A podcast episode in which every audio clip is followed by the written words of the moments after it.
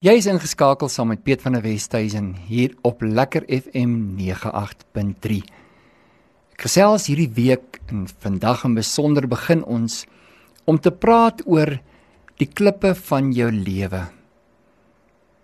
Ek onthou toe ek en my vroutjie getroud is 27 jaar terug op die 27ste Januarie 1996. Daardie volgende oggend die 28ste ry ons Plettenberg Baai toe om 'n witbrood feesviering te kan begin. My vrou het op daardie stadium in 1989 316 'n blou BMW gehad en ons besluit om met hierdie ou voertuigie nou hierdie witbrood aan te pak omdat hy baie lig op brandstof was.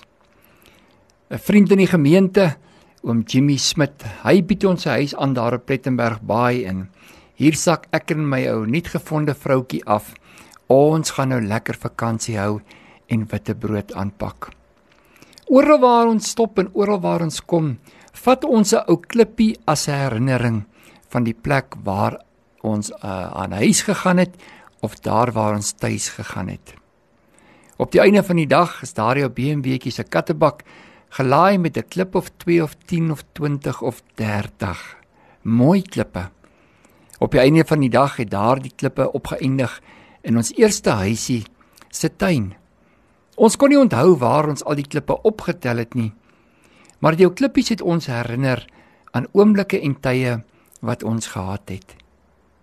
So toe ek hierdie gedeelte in Josua hoofstuk 4 lees van die 12 klippe wat in opdrag van God opgetel moes geword het uit die Jordaan uit en as 'n altaar voor God gepak moes geword het. Toe vat dit my terug na daardie herinneringspunt toe waar ek ook onthou dat ons ook eenmal die ou klippies opgetel het. Nou my naam is Petrus wat beteken rots. My doopnaam. Meeste mense my noemnaam is maar Piet. En baie mense bring vir my klippe reg oor die wêreld waar hulle ook tuis gaan. Nooit hulle gevra om vir my 'n ou klippie te bring nie, maar tog was dit so gebruik deur my lewe tot nou toe. En daarom is hierdie skrifgedeelte vir my baie relevant wanneer ek ook dink daaraan dat klippe bring herinnering. 'n Klip beteken iets. Die vraag wat ek vir jou wil vra vandag in hierdie tema is wat beteken jou klip? Wat beteken hierdie klip van herinnering wat jy opgetel het? Nou ons kan nie net hierso in Josua hoofstuk 4 in die middel van 'n storie en 'n en 'n volkse verhaal inval nie. Ons moet dan verstaan waar het die volk Israel hulle self op hierdie stadium bevind? Moses, die leier wat hulle vir 40 jaar in die woestyn gelei het, is op 120 jarige ouderdom is hy oorlede. Moses is dood.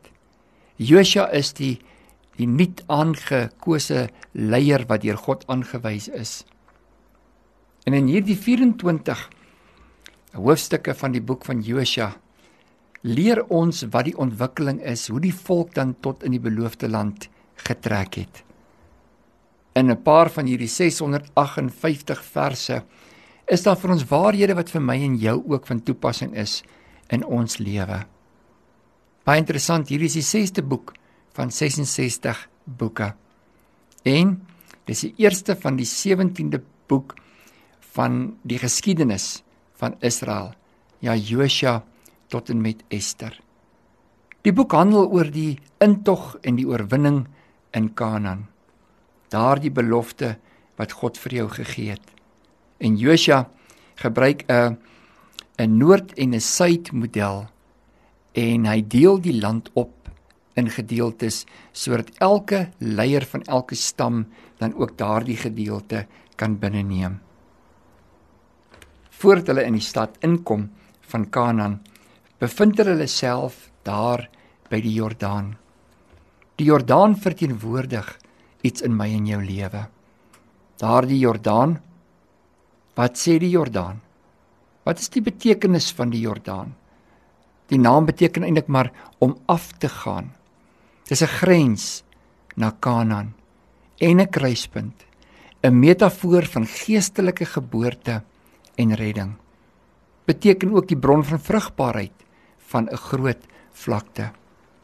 God bring jou en hy lei vir jou deur 'n droë woestyn van jou lewe om op die einde van die dag daardie belofte wat hy oor jou gespreek het, die belofte wat jy is, te kan binnegaan. Kom ons lees vir vandag Josua hoofstuk 3 en dan begin ons en ons bou die eerste 17 verse as 'n fondasie en dan gaan ons na hoofstuk 4 toe in 'n opvolgende gesprek. Daarop het Josua die môre vroeg klaar gemaak en hy het met al die kinders van Israel het van Sittim af weggetrek. Sittim beteken 'n nuwe struktuur. Dit beteken ook nuwe krag, nuwe sterkte. En by die Jordaan aangekom en daardie nag oorgebly voordat hulle deurgetrek het. Teen die tyd moet jy net weet dat die meeste van die mense sou in die woestyn sterf en agterbly en net 'n nuwe generasie met 'n ander gees se onder leiding van Josua en Caleb oor die grens van die Jordaan kon gesteek het. Jy sien, 'n mens probeer baie keer in 'n nuwe plek in jou lewe kom. Maar 'n nuwe plek verg nuwe gedagtepatrone. Dit verg nuwe gewoontes. Dit verg 'n ander gees, 'n ander gesindheid waarin 'n mens moet jouself bevind om dinge dan op 'n nuwe manier aan te pak. En aan die einde van 3 dae het die opsigters die laar deurgegaan en aan die volk bevel gegee en gesê: Net soos julle die verbondsark van die Here julle God sien en die Levitiese priesters wat hom dra, moet julle van julle staanplek af opbreek en agter hom aantrek. Nou ja, na 'n lang getrek deur die woestyn oornag hulle vir 3 dae sê die woord en aan die einde van die 3 dae kom die opsigters en sê as die priesters verby jou trek met die ark dan moet jy kamp opslaan en agter hom aanloop kom ons praat vir 'n oomblik hoe kosbaar dit is dat jy agter die teenwoordigheid van God sal aanloop die ark het God se teenwoordigheid gesimboliseer Die boodskap vir my en jou in hierdie tyd, in hierdie oomblik, is juis dit dat God wil hê wanneer hy na jou toe kom en hy jou beweeg dat jy agter hom sal aanloop, dat jy gehoorsaamheid sal betoon. Jy kan egter nie agter hom aanbeweeg as jy nie eens kamp opbreek nie. Kamp opbreek is nooit lekker nie. Dis nooit maklik nie. Dis ook nie 'n ge, uh, gemaklike ding om dit op 'n ongeleë tyd te moet doen nie. Jy sien jy bepaal nie wanneer jy kamp moet opbreek nie. Dis die teenwoordigheid van God wat dit bepaal. En wanneer God by jou kom en vir jou sê jy het lank genoeg by hierdie berg gewoon, is tyd vir jou om op te pak en na Kanaan toe te beweeg. Dan verg dit ons moet klaarmaak met wat ons gebring het tot op daardie oomblik waar ons onsself bevind. God wil hê in hierdie dag ook dat jy sal hoor dat hy nuwe idees, nuwe plekke waantoe hy jou wil lei. En hy weet watter gedagtes hy aangaande jou het. En daardie gedagtes sluit in gedagtes van vrede en nie van onheil nie. Juis om jou 'n hoopvolle toekoms te kan gee. Daardie toekoms is 'n pad wat jy nog nie geloop het nie. Die paadjies na daardie toekoms toe is in afhanklikheid van die Heilige Gees, gehoorsaamheid teenoor God en die doen van die woord soos God dit vir jou gee, oomblik na oomblik.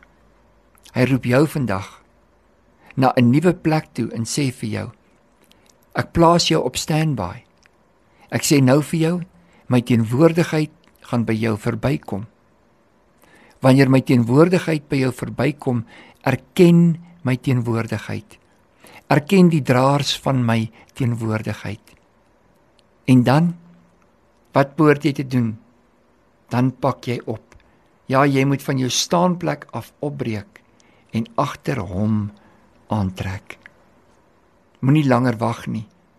Lank genoeg het God met jou gepraat oor 'n saak of 'n aspek in jou lewe en jy stel nou al hoeveel dae, maande, jare stel jy dit uit wat God uiteindelik vir jou van die begin af gesê het.